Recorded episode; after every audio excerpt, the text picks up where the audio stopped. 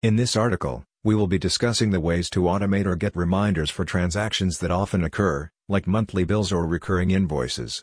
Thus, if you also wish to create and modify QuickBooks Memorize transactions. You can memorize reports in QuickBooks if you want the same settings of the customized report to be available for future use.